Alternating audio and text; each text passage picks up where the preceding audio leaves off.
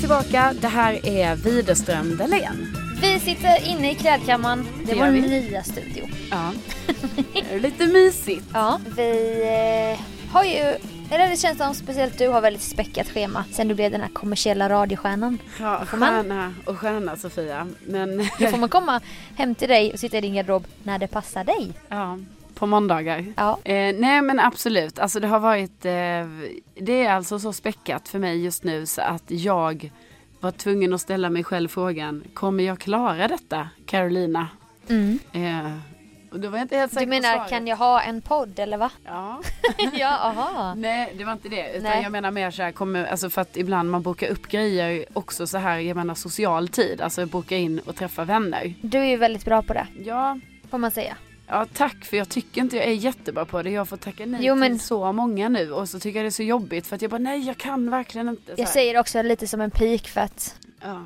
det är inte farligt att inte ha en tisdag i Nej, oktober uppbokad. Jag önskade att jag hade kanske någon dag över nu. Men det har jag inte. Och det här handlar inte om mitt nya jobb bara. Utan detta handlar ju om att det bara hopat sig som fan här nu i slutet. Ja, och sen Alltså slutet av, jag vet inte vad jag ska säga. Slutet av sista tiden. sista tiden. Och sen ska ju du till Thailand Ja, jag ska till Thailand nästa vecka. Ja. På fredagen. med jobbet. Med jobbet ja. Du och Martin Björk ska ut och resa.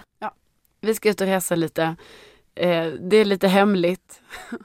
The perks of kommersiell radio Ja. återigen. Och det här ska ju bli jätteroligt såklart. Ja, Eh, Men eh, det är väl därför det är lite mycket nu då. Att helt plötsligt skulle jag åka till Thailand i två veckor. Vilket är jättekul. jättekul men är lite jobbigt för liksom hela november. Alltså det blir så, de, det som man tänker att man skulle hinna nu innan nästa fredag som inte hinns med. ja, Det kommer helt plötsligt få ske i typ så här. Ja, sista veckan i november, början av december. ja precis. Ja, så tiden bara rullar iväg här. Och du har ju alla helger uppbokade till typ februari har du berättat för mig. Eh, till, eh, egentligen är det till nyår. Mm. Men jag förutsätter ju att jag gör någonting på nyår. Alltså det är inte så att jag kanske Nej just det, hemma. det är din första lediga helg. Då tar vi myskväll. Alltså eftersom julafton är ju uppbokad. Okej, Det är den ju. ja. Fan vad du ska ligga långt i Ja, förväg alltså. visst. Nej, Så julafton den har, Den man ju, den har man ju bokat upp sedan länge. Ja okej. Eh, nyår förutser jag att jag är uppbokad på. Mm. Så att jag säger första helgen i januari. Då kanske vi kan ta oss en fika. Ja, Ja. det hade ju varit väldigt trevligt. Jag ska också på en liten resa, dock inte med jobb, dock inte då så här. jag får betalt för att ligga på stranden. Nej. I och för sig får jag ju det eftersom att jag har betald semester. Jag vill bara säga, jag ska också jobba. Jag bara säger det. ja, men kom igen. Du ska ju mer på en semester Sofia. Ja. Jag ska ju mer åka iväg för att jobba. Men du kommer ha lediga helger och så som vanligt eller? Ja, ja, men jag kommer ju också självklart ha massa ledig tid på dagarna. Du kommer ju boka upp dina helger där med några nya thailändska vänner. Just det, det är ju faktiskt sant nu när du säger det. Jag har ju faktiskt lediga helger i Thailand. Vad fan? Du får ta så Skype-dejter med folk i Sverige eller då lära känna lokalbefolkningen. Ja, det kommer ju typ bli så att jag bara, nej men då ska jag hänga med den. Vi träffades så här på, På basaren. Exakt. På tal om något helt annat. Du är ju en stor förebild för mig. Alltså den här äldre kompisen som har gjort sådär mycket och så. Men Sofia! Så förra veckan, då såg jag upp till dig så mycket att, att jag lämnade nycklarna i ytterdörren över Är natten. det sant? ja, dagen Är efter vi hade spelat in podden. Skojar du? Nej. Men gud! ja, Det är ju det här måste vi prata med en psykolog om. ja att, att jag liksom såg upp till dig så mycket att jag ville göra den grejen. Men jag har ju säkerhetskedja. Ja, just det. Har inte du? Du inte? Jag vill inte berätta för mycket om min Nej, dörr. nej, jag fattar. känner det. Jag känner Nej. ändå att vi får ha vissa... Ja, Så. men mina grannar är tydligen inte heller att lita på då Nej. eftersom att de hängde där hela natten. Ja, och du bor ju inte högst upp heller. Mm, Alltså, nej, jag menar, så man kan nej. ju förutsätta att någon har gått förbi din dörr. Eh, ja, men jag bor ju på ett sånt sätt utan att avslöja för mycket att alla som bor där Mm. har lite som mig, att man är lite hemlig. Ja, jag förstår. Så får man tolka det lite som man vill. Ja, nej, och det är då det är svårt för folk att faktiskt... Ja, alltså vi hälsar ju knappt på varandra. Nej, precis, för att ingen vill hälsa på någon i onödan. Nej, och man är så här lite så skygg när man tvättar och så är det någon annan som tvättar samtidigt för att Mm. det är dubbelt tvättrum. Hej hej, som en liten räv så här. man vill inte. Jag finns inte här. Nej jag bor inte här, jag är Nej. bara här och hälsar på en, min mammas kompis. Ja, jag hjälper till att tvätta lite då. Precis. Så att eh, nej det var nog därför de hängde kvar men Men alltså sjukt ändå att du glömde dem. Det är ju vet. så någonting psykologiskt att vi har pratat om det och så händer det dig. ja. Så att det var ju lite skärrande men jag tänkte, jag bara just det jag har ju säkerhetskedjan ändå men, men ändå. Ja men ändå. Kusligt.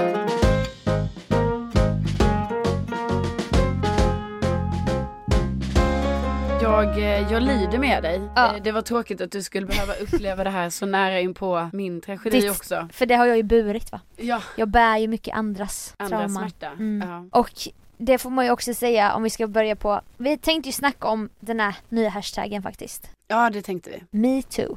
Yes. Har du lagt upp någonting på den här hashtaggen? Nej, och det var väldigt eh, eh, det var en väldigt speciell eh, känsla som eh, uppenbarade sig när jag stod lite i valet och kvalet att eventuellt också göra det. Mm. Eh, jag är ju, man är ju jätteför metoo-hashtaggen Ja. och allt som kommer ut kring det. Mm. Och jag beundrar alla mina vänner och bekanta och okända som lägger upp och delar sina historier. Och Ehm, ja, det känns ju som det är en, verkligen en rörelse going on här liksom som driver oss framåt i vår kamp liksom. Nu händer det någonting. Ja, Ja. det känns som det är lite mer än vad man kanske har fått vara med om tidigare på något sätt. Verkligen. Men det som hände mig var lite så här att, eh, och jag kan inte förklara den här känslan men det kanske är någon annan än mig som kan relatera till detta. Du kanske kan göra det Sofia. Mm. Eh, För att alltså jag har svårt för att lägga upp någonting för att det blir på något sätt väldigt för nära en. Ja. Jag vet, jag kan inte förklara det. Jag pratade med min lilla syster om detta, hon kände samma sak. Mm. Och då undrar jag om det kanske är ändå den här känslan som man systematiskt har tryckt in i sig själv i hela livet sen första gången en kille tog en på rumpan. Ja. Att man bara nej, Nej, det verkligen. var ju ingenting det här. Verkligen. Han får ta sig friheten, ja det är inget konstigt. Mm. Alltså att det var lite den känslan kanske som gjorde att jag inte riktigt ändå vågade gå så nära mig själv att jag faktiskt la upp. Precis. Och för mig var det nog, jag har inte heller lagt upp någonting. Och jag tänkte ju, min första tanke var ju bara nej, åh jag stöttar verkligen alla som har varit med om sexuella Mm. övergrepp eller trakasserier. Men jag är ju inte en av dem. var min första. In- Sen så bara började det komma mer och mer så här små händelser. Jag bara shit, Mm. det har jag visst. Om man nu ska se i stort. Ja, ja, ja. Till exempel att någon tar en mellan benen när man Ja. är ute på krogen första gången för det hände mig. Precis. Och det är ju som du säger också att man har tryckt undan och det blir så jäkla konstigt. Och vissa tror jag också som har varit med om, om man får säga större Ja. eller grövre, Eller, ja, värre. värre saker. De kan inte heller lägga upp kanske för att Nej, för det blir ju det är för, jobbigt då. Ja. ja. Nej men jag vet och, och med detta sagt jag ville bara informera om att jag inte hade lagt upp någonting liksom. Men Nej. det, det betyder ju inte att jag inte, alltså som sagt, inte har varit med om det. precis och stöttade. Och sen det jag eh, upplever liksom som man, jag själv har eh, varit med om. Det är ju då, för mig har det varit mycket så här, jag har varit ute på krogen, eh, någon tar mig på rumpan, Mm. någon kommer för nära, eh, så. Men sen Mm. så även också ju alltså all sexism som man upplever Verbalt. eh, verbalt. Ja. Så att liksom, jag tror det är få tjejer som, eh, som kan liksom säga att nej jag har inte varit med om någonting. Nej Eh, exakt. för att jag tror vi alla har varit med om någonting. Och det är farligt också att eh, gradera andras upplevelser. Jag sa ju själv värre men jag menar ju också att det finns, det finns ju såklart nivåer av övergrepp. Ja gud Eller ja. Och det kan ju också vara alltså verbala trakasserier som är alltså fruktansvärda. Ja, nej, men jag menar bara att man har ju sett eh, vissa kommentarer så här. Det här tar ju udden av riktiga våldtäkter. Tänk de som blir våldtagna på riktigt. Ja. Det ska ju inte betyda att vi inte ska prata om att man är beredd att bli tafsad på bara man går ut på krogen. Nej precis. För det är man ju. Ja men det är man ju. Och- Ja, ja det är man ju. Jag tycker det är liksom, jag menar, eh, man kan se det där lite som en process lite i sitt liv liksom. Att från den dagen man började gå ut, nu tar vi ju detta som exempel men det är väl nog bara för det är ett sånt jättetypiskt exempel liksom. Mm. Just det här att vara ute, man är ute på en klubb Och jag tänker från första dagen man gjorde det, jag vet inte, när man var 15 kanske. Då fattar man ju inte typ att det här var en onormal grej först. Alltså man förstod Nej. ju det men det var typ som att det ingick i, eh, i grejen. Ja. Men sen tänker jag att det har kommit i etapper för sen när jag blev lite äldre så insåg jag att det här var ju något eh, fel. Eh, som jag inte gillade men jag kanske ändå inte sa ifrån. Nej. Sen för mig blev det mer att jag blev mer arg i detta liksom. Så att om det händer, händer mig nu eller hände mig för några år sedan så har jag alltid varit väldigt så att jag säger till. Men då måste man ju typ komma ihåg det också. Man måste också orka för det är inte så Ja. att man pallar heller säga till för man pallar liksom inte att Nej jag vet. Jag vet Ta inte. den fighten typ. Ja för att det är så jävla tråkig grej liksom. Men vad har du sagt då? då? Vad säger man? Jag har, jag har vänt mig om och alltså nu tänker jag så här, jag vänder mig om och så nämnde jag att så, tog du mig på rumpan precis eller? Och då blir ju Mm. ofta de här killarna lite förvånade. Så här, bara nej, gör inte det igen liksom. Nej. Sluta med sånt. Eh, Jag har ju en kompis som eh, blev så jävla irriterad för då är det väl så, måttet blir ju rågat till slut liksom. Men Mm. det är bara att man måste ha detta mindsetet då att man måste så här, nu ska jag se till alla som gör detta mot mig. Och Ja. som sagt, man pallar ju inte alltid det. Nej. Så då skiter man i det. Ja. Liksom. Hon eh, vände sig om och bara smällde till den här personen. Alltså I med en sån ansiktet. riktigt rak höger. Fan vad coolt gjort ändå. Ja, alltså och det är ju klart vi ska inte sitta här och Uppmana våld. uppmana våld men på något sätt var det hennes sätt att göra ett statement liksom. Att hon, hon bara, nej nu får det fan vara nog. Och han kanske lärde sig någonting förhoppningsvis och inte gjorde det på nästa. Ja, förhoppningsvis. Men det var kul för jag var i Jönköping i helgen där jag är ifrån och så satt jag med mormor och mamma på ett konditori och vi snackade om detta. Mm. Och eh, de eh, exponeras ju främst för traditionella medier, eller de konsumerar främst Ja. traditionella medier. Åh den här mediemannen bla bla bla. Jag bara, ja du menar Virtanen? Ja. Nej, är det han som har gjort De, de har inte hört det. Nej. Så ja, tänk vad många förstår. som inte vet det. Men då visste ju både Mm. mormor och mamma vem det var. Och så började vi snacka om bara det här verbala då. Och min mormor liksom 70 någonting. 70-årsåldern. Ja, jag minns ju. Då började hon berätta, det var så himla kul. Då minns hon att hon städade på något, hon jobbade på något jobb och städade. Mm. Så var det en man som alltid, han var så ful i mun och han frågade mig så väldigt intima saker. Mm. Till slut då hade hon fått nog och så hade hon tagit upp en skurtrasa så här och bara kastat rätt på honom och blivit så jävla arg. Ja. Och detta var ju en tid där det var helt en annan så här jargong. ja precis. Eller jag vet inte om den var. Eller att- Den har säkert varit likadan i alla tider. Ja. Bara det att då var det definitivt kanske inte accepterat att man sa ifrån. Nej, och då tyckte jag det var så jävla coolt. Hon berättade att hon var 19 år och hon slängde en blöt skurtrasa på den här mannen som hade en ljusgrå Ja. kostym och han skulle ut på något, någon fest direkt från jobbet och han blev ju då Ja. helt neddränkt. Och det tyckte jag var så coolt att min Ja. mormor hade sagt ifrån och jag bara Fan vad coolt Ja. liksom. Och att alla har varit med om det. Och du och jag har ju snackat om att vi båda haft erfarenheter av det här verbala just av mediamän. Ja, det är väl bara för vi har befunnit oss, oss också i de bran- branscherna, tänker jag. Ja, och att eh, det förekommer i alla branscher men nu blev det att det lyftes. Och att där kanske det i vissa hus eller vissa sammanhang finns en kultur av att det är bara så det snackas typ. Ja, för det är så mycket män där liksom och Mm. så är det så inpräntat i väggarna liksom hur, hur man, vad som är accepterat att bete sig och egentligen om man skulle se det utifrån så tycker man ju att det är en väldigt konstig nivå liksom av acceptans. Att det borde inte få vara så, det borde inte vara den jargongen. Nej. Men hur gammal var du när du blev sådär, när du var, var inte du praktikant? Jo, det var ju första gången jag var praktikant i ett sånt här mediehus. Mm. Eh, och då var det ju en mediaperson där. Som är känd idag. Ja, Ja. som absolut sa någonting till mig som inte, och grejen att jag kan faktiskt så är det ju det sjuka att det här är ju kanske tio år sedan så jag kommer ju inte ihåg exakt vad det var. Nej. Men det var ju någonting som gjorde att jag blev väldigt eh, alltså förvånad över hans eh, eh, typ vulgära språk eller någonting. Och det handlar inte bara om eh, hur, hur en sån här person, alltså att det är just det den personen sa vad det nu var liksom som gjorde Nej. mig väldigt så här liksom lite chockad.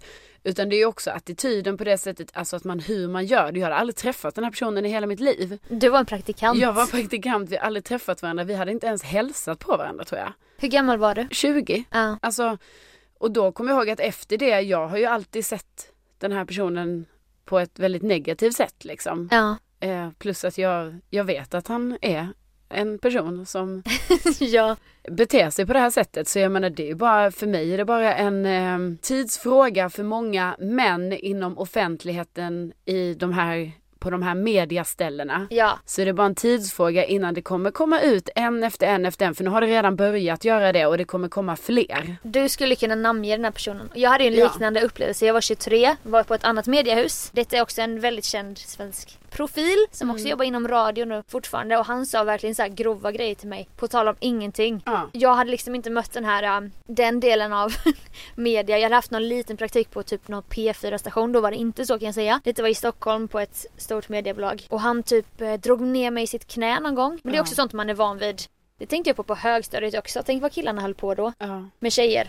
Men tjejerna gjorde ju inte det mot, mot killarna. Nej precis. Och han sa flertalet tillfällen så här, riktigt så här grova grejer till mig. Och Nej, jag och man bara, blir ju chockad. Ja, jag visste inte vad jag skulle säga. Det är också så en typ barndomsidol till mig. Ja. Jag bara, eh, jaha du var sån här snuskjävel du. Ja precis. Nej men för det är så många känslor som kommer på en och samma gång tänker jag. Just i, i framförallt i det läget när man är ganska ung, man är ny Mm. och det är någon i en maktposition. Ja, Eh, man, eh, ja som sagt så är man ny så att man vet liksom inte vad, eh, hur beter man sig här liksom. nej. Och sen också att man blir så chockad över alltså sättet de pratar på liksom. För man, Ja. har inte, man, man har typ inte blivit, på det sättet hade inte jag blivit tilltalad tidigare. Jag Nej, tycker jag har jag upplevt heller. andra typer av eh, ojämställda situationer med de män i min omgivning på andra typ jobb jag har haft tidigare. Alltså Mm. ända från man var kanske, jag vet inte, 15 år. Gud jag också. För mig har det aldrig varit liksom sexistiskt Nej. innan det. Nej. Utan det har varit på andra sätt och de är inte heller okej. Och jag tror inte att, jag tror visst i vissa fall tror jag det har en sexuell grund men i många fall så är det just bara på grund av att visa sin makt. Ja, Men så gör man det på ett sätt som är så sexualiserande för att de vet också att det är nedtryckande. ja precis. För en 20-årig tjej att få en sån fråga. Ja. Kanske inför andra och de kanske börjar garva liksom. Jag vet för då kanske sitter några andra gubbar där som börjar skratta. Ja. Verkligen. Nu har ju vi bidragit till hashtaggen här Ja, i podden här faktiskt. Ja, faktiskt. Så det kändes ganska bra. Nej men och det är någonting jag också typ känner att jag får ta med mig lite liksom just det här. Det blir nästan som en sån filosofisk fråga för mig själv så här. Varför var det inte helt givet för mig att vara med och lägga upp? Mm. Och då på något sätt så, det måste jag ju nästan analysera lite kring mig själv. Alltså för att det blev som att det blev för nära och lite Men- för jobbigt. Tror du inte att det kan ha att göra med varför man inte har berättat om sådana saker genom åren? Att det har med skam att göra? Att mycket som händer skuldbelägger man sig själv och bara nej men det var ingen, nej det här är väl ingenting Fast eller för mig, jag har alltid pratat om såna här, alltså om detta med folk ju. ja. Alltså för att man pratar, eller jag tänker att man gör ju Med det kompisar i och sin, så. Ja, i Mm. sin så här feministiska kamp liksom. Att man har det som exempel, att man har så här, ja. bara ah, vi tjejer kan ju inte ens gå ut på krogen utan att någon tafsar på oss liksom. Det Nej. känns som en sån typisk grej som jag ofta liksom får förklara för andra killar exakt. i själva du vet när, som vi har pratat om Mm. innan ibland när man hamnar i även sådana. för tjejer, alltså för vissa tjejer vet ju inte riktigt heller kanske och ibland när man känner det här att man ska utbilda inom eh, feminismen Exakt den rollen vi Ja. ofta tar. och då tänker jag att då har jag ofta de här grejerna som jag liksom säger på något sätt liksom att är det rimligt att det ska vara så här och ska jag Mm. behöva ut, utstå detta liksom eller ska du behöva utstå detta så jag vet inte det bara eh, är ju väldigt Men jag tror intressant. att just i att bidra med en hashtag det kan ju också vara vad man har för vana i sociala medier. ja, det är sant. Vissa är mer frispråkiga och då är det lättare för dem. Ja. Medan vi kanske bara, ja man lägger ut en bild då och då. Ja. Alltså vi har inte haft den Nej. Men i alla framtoningen typ. I alla fall så är det så himla intressant och spännande att det här sker nu liksom. Verkligen. Och jag är också besviken på många stora medier Mm, som man tidigare själv har vänt sig till i första hand när det händer någonting. mm, Och så går man in där knäpptyst i så här tre, fyra dagar. ja, Det är ingenting om det. Det är lite om hashtaggen men ingenting om eventuella namn på mediamän då. ja, Med då så här argumentet att nej men det är pressetiskt fel av oss att skriva ett namn. ja, Men ni behöver inte skriva namn. Men du måste ju se till att det finns ett allmänintresse. ja precis. Några av våra största profiler har blivit anklagade kan man ju säga. Man behöver inte säga att de har gjort det. Nej precis för enligt, Man får inte säga det enligt, för det kan ju bli förtal och så vidare. ja precis. Nej men absolut och det, så var det ju några dagar men nu verkar det ju ha eh, släppt lite så att nu, eh, nu läser man ju om det så mycket. Ja, även i till exempel Aftonbladet då som hade en egen Profil ja. profil. Och verkligen cred till eh, det kontot som vi båda följer, 1337 likes. Ja, Som började liksom eh, bli någon nästan som en förmedlare av Ja. historier eftersom folk börjar skriva till henne eller tjejer börjar skriva till henne Mm. och berätta vad de hade varit med om. Och hon och gjorde typ ut det. bästa journalistiska arbetet Ja. för hon censurerade ju också. Ja, ja hon höll- censurerade men liksom la ut storyn i alla fall. Och det blev ju någon slags här Harvey Weinstein effekt. Nu Mm. har ju TV4 avslutat samarbetet med Martin Timell. Ja, är det helt... De gick ut med det nu. Alltså Okej. nu spelar vi in detta på måndagen men de gick ut för det för typ två timmar sedan. Ja. Och det ger ju effekt och så undrar jag, vem vill anställa till exempel honom sen? Man hoppas ju att ingen vill det. Nej, precis. Och att kanske vissa bolag då som har undangömt sånt här får sig en liten Mm. ändring i sin kultur i att hålla dem om ryggen bara för att ett program går bra. Det är helt sjukt. Ja, det är ju helt sjukt. Och jag tror ju, nu blir det ju lite som att det är typ media vi har att förhålla oss till men det är ju bara för att det är där vi jobbar och verkar liksom. Ja och det blev så direkt för oss. Ja. Som att vi och folk vi känner har jobbat med de här. Ja. Men jag tror att det kommer komma fram mer. Sen är det också som alltid, samhället misstror ju ofta en tjejs berättelse. Ja. Eftersom att det är så patriarkalt allt vi lever i att ens första instinkt är att Inte tro. inte nej. tro och speciellt då Precis. från mäns sida. Bara, "Du, vi kan inte lita på att det där är sant. Ja. Man ska inte misstro en tjej som säger att hon har blivit drogad Nej. och våldtagen för vad, vad vinner hon på att ljuga ihop det? Ja och förmodligen är det ju så fruktansvärt att ens Att ens- berätta om en sån grej så att det gör Exakt. man liksom inte i en handvändning. Det blir ju en ketchup-effekt vilket är bra för då blir det ju så här att det är inget jävla skitsnack. Det är ingen som Nej. hittar på det. är ingen som får personlig vinning av detta. Nej, och det det också... gäller inte några få utsatta personer utan det här är liksom ett strukturellt problem som finns. Ja och det var asmodigt också av Cissi Wallin till exempel Ja, att gå alltså- ut med den här mäktiga mediamannens namn.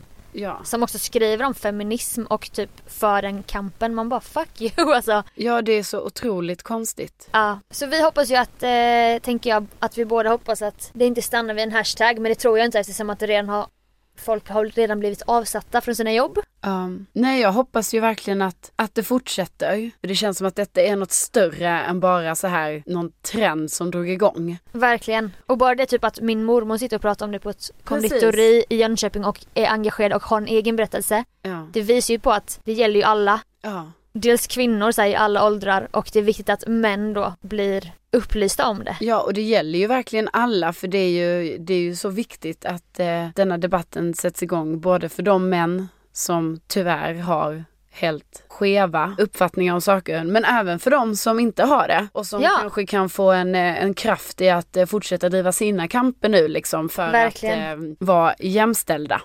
Amen sister!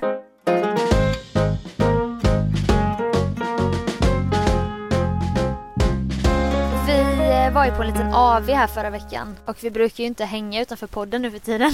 Nej, vilket är jättedumt för att vi har så mycket att prata om. ja, och det fick vi ju utlopp för den kvällen men när vi möttes upp i alla fall vid tunnelbanan så såg du helt skärrad ut slash chockad. Skärrad. Och du, du bara, åh herregud, du kan inte ana vad som hände mig nyss. och så är det ju då att du säger dig ha en öppen aura som gör att människor som kanske är lite så, jag vet inte, utsatta ofta tar kontakt med dig. Ja, Ja, detta stämmer eller? Ja det stämmer men det som inte stämmer är jag var inte skärrad Sofia, du bara överdriver. Jag det kanske var för att du inte kände igen mig för jag hade mina Ja, glasögon på mig. Så var det. Aha. Det jag var förvirrad över var att jag inte såg dig trots att du var så tre meter från mig och gick mot mig. Så förstod jag inte att det var du som kom. Det gjorde ju mig Jag trodde lite att du var skärrad. skärrad för att du precis hade haft ett av de här mötena då. Ja, nej. Nej. för det tillhör ju då min vardag. Berätta om det. För Ja. detta känner inte, det här kan inte jag relatera Nej, och jag, det jag tycker alltid är svårt när jag ska berätta om det här. till. För du tycker att det låter skrytigt. typ som att, oh hon skryter om att folk är på samhällets botten kommer fram till henne. Ja, men, jag vill ju inte framhäva mig själv på det sättet Jo, det- som om... Nej. Men vi kan Nej. släppa alla sådana eventuella att du ska ha någon prestige i det här och bara kan jag berätta nu. Ja, okej. typ inte ska väl jag? Ja men det är så jag känner när jag ska berätta det. Att då blir inte ska väl så. jag skryta om att alkoholister kommer fram till mig på stan? Nej men det är inte bara den typen liksom. Nähä. Nej utan det här är Alltså så här, det här är då, det är därför jag tycker det låter skrytsamt när man ska säga det, typ som om att jag skulle vara en person Ett helgon? Ja, som bara såhär, åh alla kommer fram till mig. Jaha, kommer de inte fram till dig? Ja, nähä. Nej. Nej men så, så är det inte. Men alltså helt ärligt, vad jag, så här har det varit i typ hela mitt liv. Ja. det, en person, alltså jag kanske har någon som pratar med mig varje dag eller varannan Alltså dag. en främling på stan. Exakt. Främling på stan pratar med mig, kanske varannan dag. Och det du sa var, jag måste väl ha ett snällt ansikte eller någonting. Ja, eller ja, och då, och då blir det också varje gång jag ska säga det så, vill jag, så är jag också rädd att det ska, alltså folk ska tro det. Att du Att tycker att, jag- du själv är snygg. Exakt. Så då måste jag alltid säga så här, jag bara, alltså inte att jag är snygg eller någonting utan mer att jag kanske bara har ett avväpnande ansikte. Du är liksom öppen för förslag, eller öppen för konversation. Ja, men och det är det jag undrar. Nej men så att det här har ju allt, det här händer ju mig hela tiden då som sagt, alltså Ja. utan överdrift, kanske varannan dag. Ja. Det är allt från att det är damer som frågar mig efter vägen. Det är kanske någon utsatt person som kommer till mig och inte bara just vill ha pengar utan kanske vill att jag ska hjälpa den med någonting. ja men berätta om det som hände Ja, då innan AWn. Då, det som hände då var att, och just det, det är det jag också ska säga i det här, att jag är själv förvånad över ibland när folk kommer fram till mig. För ibland är jag inte förvånad för att jag kan liksom ha ganska stora ögon och stå och titta och ser folk. Liksom. Söka Ja, konversationer. nej jag söker inga konversationer men jag tittar väldigt Här mycket. står jag och gärna hjälper till. Ja men jag tror det kanske är så det ser ut för jag står och tittar väldigt mycket och liksom så här, ja, För jag har ju väldigt stora ögon liksom. Ja men okej. Det är Ja. själens Och spegel. det har jag ju då inte. Men Det i har alla du visst. Ehm, men ibland är det så komiskt när det här händer mig. För att jag själv bara, men hur kunde jag verka öppen för konversation nu? Mm. För ibland är det ju då att jag står med min mobil och hörlurar och sen tittar ner i telefonen. Mm. Och ändå väljer I din långa svarta rock. Exakt. Ändå väljer de mig Med huva. alla människor som står där. Mm. Och så var det ju då till exempel i, i, här i veckan då. Ja. För då stod jag så med min telefon och hörlurar och så kommer den här killen fram till mig och så eh, frågar han om han fick låna min eh, telefon. Och då har jag lärt mig nu, eftersom jag i helgen hände ju detta mig också att en annan kille kom och pratade med mig på eh, centralen i eh, Örebro. Okej. Eh, och ville hjäl- ha hjälp med så här bussen och Hej. tåget och så. Men då samtidigt var det en annan kille som strök runt där som jag såg så här, ja, han kommer ju snart komma fram också till mig och fråga om någonting. Men eftersom jag redan var upptagen med en annan Mm. person då gick han till en, en kille som satt där och frågade om han fick låna telefonen och då sa faktiskt den killen nej. Ah. Och då sa han och då väckte det någonting i mitt huvud att jag insåg så här, just det, man kanske ska vara lite försiktig med att faktiskt ge sin telefon alltså till någon annan i handen för man vet Ja ju faktiskt inte. Så då skämdes jag nästan lite när han frågade mig, nu när jag stod och väntade där på dig, Mm. när han frågade mig om han fick låna min telefon eller om jag kunde ringa åt honom. Så kände jag mig så jävla dum som bara, men jag ringer gärna åt dig. som att jag Ja. inte litar på honom. Det här är Karolinas hjälptelefon. Ja, men så var det i alla fall och det var för att jag var väl lite rädd då för att jag vet inte, jag visste inte riktigt vem han var och Nej. att, eller det vet jag ju aldrig men jag menar jag, hans aura var inte lika eh, mild. Som din. Exakt. Så då sa jag, ja men jag ringer åt dig så här. och då var han ju, då var det ju att han skulle Han bara, jag vill ha två gram. Du bara, absolut. det löser vi. Ge mig numret bara. Nej men då var det ju att han eh, var lite försenad till sitt, eh, jag tror kanske behandlingshem eller stödboende eller något sånt där. Eh, så att han eh, hade missat middagen. Så Ah. att då, då googlade vi upp det här stället då Mm. som låg liksom i Fruängen eller någonting. Ah, Och då var, utanför stan. ja, och då var ju liksom middagen sluta sex. Och han ville ju att de skulle lägga undan lite mat till honom. Mm. Så då, då googlade vi upp numret och så bara kände jag mig så himla dum att det var jag som stod och ringde för jag menar han kunde väl få ha min telefon. Ja. Men nu blev det ju så för att jag hade det här i minnet sen Örebro central att det faktiskt var en annan kille där som sa nej. Ja. Ja, ringde jag. Och hej, jag vill bara hälsa här från, jag står med Alex och eh, jag ska hälsa att eh, Alex vill jättegärna att ni lägger undan lite mat till honom för han kommer inte hinna innan klockan sex och klockan är ju, för klockan är tio i sex nu och han är vid Mariatorget och det tar för lång tid för honom att komma ut till er. Mm. Och hon i telefonen bara, ja, ja men vi ska se vad vi kan göra, jag ska ringa till köket. Mm. Och jag bara, ja men jättebra, då hälsar jag Alex det så tittar jag på honom. Och då säger Alex, eh, säg att de ska lägga undan lite jalapenos också på sidan. Och då tänkte jag, "Va, Alex nu är det lite för mycket begärt här att Ja. du är försenad till middagen.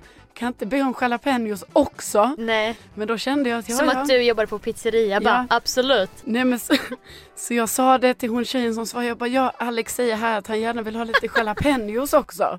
Ja. Då tror jag att hon tyckte att jag krävde för mycket så då var hon så, du jag, jag får nog koppla dig direkt till köket. Men då kände liksom jag att Kommer det sån slinga bara du, du, du, då, kände jag liksom så här att det blev lite mycket liksom för att skulle jag då ha direktkontakt med köket på grund av de här jalapenosen samtidigt som jag stod där och skämdes för att Nej, jag nej, hade nej. valt att ta samtalet åt Alex istället för att han fick ta det själv. Så då sa jag bara till henne så här, jag bara jag tror han blir jättenöjd bara ni försöker lägga undan jalapeno så han stod och nickade bredvid. Eh, och sen så, ja, så var det Och klart. så var det klart. Jag vet inte, det är ju lite så här roliga stories som händer. Ja, alltså jag kan ju berätta om en som var första året vi jobbade på Musikhjälpen i... Vilken stad var det nu igen? Linköping. Ja. gud, jag har. Då, hade, Ah. då hade vi som uppdrag att fuldansa i buren och vi var väldigt ambitiösa också ute på stan. Mm. Och vi hade vita overaller på oss. Alltså så för att samla in pengar måste vi säga. Ja, då ställde vi oss där på något torg i alla fall. Du och jag och vår kompis Tobias. Och typ dansade någon jävla juldans. Ja. Vi tänkte väl inte riktigt på att ja, där var systemet ja. Och här var torget utanför Systembolaget. Nej. Och då står en man och betraktar oss och sen kommer han fram så här. Och vi stänger av musiken och han bara, han går ju fram till dig då direkt. Och han har sin hand innanför jackan. Ja. Och då tänker jag ju jag, jag och Tobias blir ju skiträdda. Jag har ju alltid varit rädd för fullisar och jag kan tänka mig att Tobias också har varit det. Ja. Så kom han fram till dig och bara Jag tycker det är jättefint det ni gör. Han visste ju inte vad vi gjorde. Nej. Tack så jättemycket så här, sa du då. De här stora ögonen du öppnade va? Och bara sög fast i hans blick. Och jag väntade bara på att han skulle dra fram en kniv. Ja. För att han hade handen innanför jackan så här. Nu är det så att jag är nykter alkoholist sedan fem år. Mm, sa du. Likt då Allan i radiopsykologen bara ville att han skulle fortsätta. Men nu är det så att jag har varit inne och köpt två folköl. Mm. Vet du vad? Jag såg att du hade en öl som du stod och drack där borta. Så, sa jag det? så du också så här uppmärksammat vad andra gör runt omkring. inte. Han Ja. bara ja. Så tog han fram så var det ingen kniv utan Nej. det var ju stor folköl. Eller ska- nej, en starköl Ja, kanske starköl var det nog. Men jag var faktiskt lite så här. jag bevakade den handen för jag undrade också vad han Ja. hade innanför Men så eh, då rocken. när han berättade att han hade fallit tillbaka lite då och Ja. tagit en öl efter fem år. Då var ju du sån, jag såg att du hade en öl där och då var det jobbigt för dig. Ja, och jag har precis köpt en hund. så då, vid det här laget så storgrät han ju. Ja. Men han var ju väldigt så här renrakad, han kanske hade någon han såg inte alls du vet eh, nedgången ut. Nej Så men han hade ju nog fått ett återfall just den dagen. Vi tror att han var väldigt ärlig i alla fall. Ja. Och du var ju inte rädd för att stå nära honom och jag och Tobias stod ju två meter ifrån med skärrad blick så här. Ja, men jag visste faktiskt inte vad jag skulle göra när Nej. den här, för det är ändå Men- så här, det är en man i 50-60 års åldern som står och gråter alltså väldigt mycket. Ja. Jag kände att vi kan inte lämna Så, honom Nej jag vet, jag beundrade dig då. Det var som att du var sån här stadsvandrare i en sån gul jacka som Ja. liksom vet hur man snackar med alla. Ja. Och så bara, jag har köpt en dvärgschnauzer som heter Yatzy. Och då grät han. Och han är så liten och söt.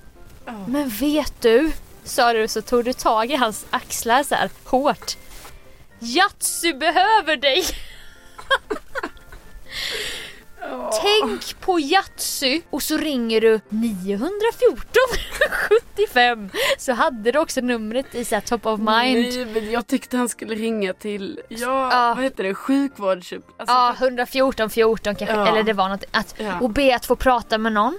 Och sen går du hem till Yatzy, vi slänger de här ölen. Yatzy behöver dig. Och det var så jävla bra av dig. För då blev det också att han sträckte inte ut sin hand till mig eller Tobias, vi var ju skiträdda.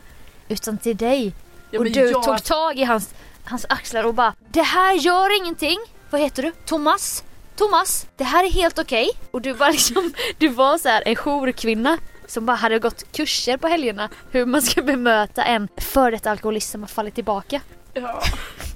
Nej men alltså det här var ju så knäppt när det här hände för det blev ju också när han kom fram till oss så minns jag att jag också hamnade i lite sån här försvarsposition att jag vill inte att han Alltså för jag märkte ju att ni blev lite rädda för honom så jag ville ju Ja. inte, jag var så här, jag måste ställa mig mellan Mina er kollegor och... och ja, för jag visste inte vad Thomas. han hade innanför rocken. Nej, Och sen var det ju också så här att det här blev ett jättelångt samtal. ja. Alltså du, nu blev det ju lite kortare liksom. Mm. Men det var ju jättelångt för att han började ju prata väldigt mycket om sina barn. ja. Han hade också döttrar och barn i vår ålder. Ja, i vår ålder. Så det var ju det förmodligen som hade gjort att han, ehm, alltså han blev så rörd Att han tog kontakt Ja, och vi att- dansade till Jingle Bells typ. Ja det är i och för sig lite oklart att man just vill kontakta för det. Men alltså han fick ju någon, han relaterar ju på något sätt. Och det var juletid. Ja och det var juletid. Och det var därför jag till slut var tvungen att säga att Yatzy behöver dig. För att han framställde det ju som att hans barn, ingen behövde honom Nej. längre. Det var smart. Men till slut så kunde jag ju ändå då komma på att hans hund behöver ju honom. Ja, Ja, nej men det var, alltså ja, jag vet, alltså det, det är bara en av många. ja, och det Historia. är ju, alltså jag vet inte vad jag vill säga med det här utan det är mer så, det är, jag har inget problem Nej. med att folk kommer fram, det är bara det att det är nästan för mig som att det är lite så här komiskt att Nu händer det Ja, igen. nu kom det igen så här. Och också, jag kan också tänka så att jag får nästan vända det till något så här pos. Alltså det är ju absolut inte negativt. Jag bara menar att Nej, jag, jag får vet. väl tänka så här, ja det är ju lite smickrande att folk vill prata med mig. Och det är ju någon slags kvitto på att du är en öppen person. Ja, Vilket är ju en bra sak. För jag kan ju vara öppen på många sätt. Men i det sammanhanget så tror jag jag är väldigt stängd. ja men man undrar ju, för det måste ju vara en undermedveten grej. För att jag menar Ja. verkligen det, om jag står med telefonen och hörlurar Mm. så, händer det ju ändå. Ja precis. Det händer, det händer mig ibland. Och det är väl ofta när många är fulla och jag, de säger att jag inte är det. Nej, typ. du är så här glad då Ja, liksom, så och bara- Oh, sorry can you show me the way to this and this. Då hjälper jag ju, jag hjälper ju såklart gärna till. Ja. Nej för att också, alltså vad jag menar är att det verkligen är så sjukt som att till exempel exemplet. Jag har stått i en korsning i Vasastan två gånger för att jag har väntat på att jag ska gå på dejt. Ja, Jag känner inte till Vasastan så mycket. nej. Men båda gångerna jag har stått i den, en hörna där det ligger en, liksom en restaurang så det är bra så här ställe att Ja, mötas precis. upp på. Båda gångerna jag har stått där, oberoende av varandra, så har det kommit fram personer till mig och frågar om vägen. Alltså och då står jag med näsan i telefonen. Men har det varit killar? Nej det kan vara, nej första gången var det en kvinna och nästa gång Jag tänkte om det var dejten som ville testa hur du var. Och sen bara, åh tack så mycket. Så så bara, bara gå. ja. Ja, nej det har inte varit så. Um, De dök faktiskt upp. Ja de dök upp efteråt. Ja.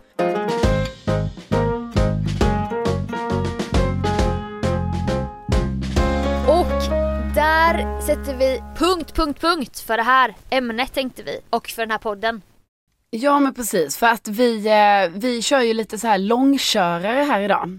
För att vi ska ut och resa och vara isär igen. Och då måste vi försöka få ihop poddarna. Men det finns ju många fler grejer att säga om det här ämnet. Ja. Jag vet till exempel en när du hade varit på krogen och var med om en jäkligt, ett jäkligt roligt möte. Men du har lite ångest för det här ämnet. Ja men lite. Men det tar vi nästa vecka. Ja men det gör vi. Fortsätt eh, höra av er om podden. Vi blir alltid så glada när, när vi får så här livstecken från er lyssnare.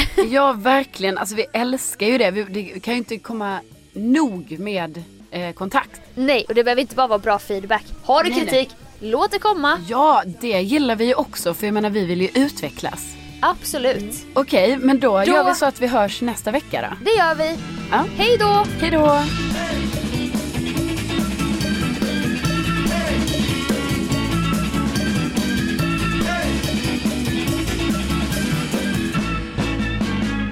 Vi kan inte...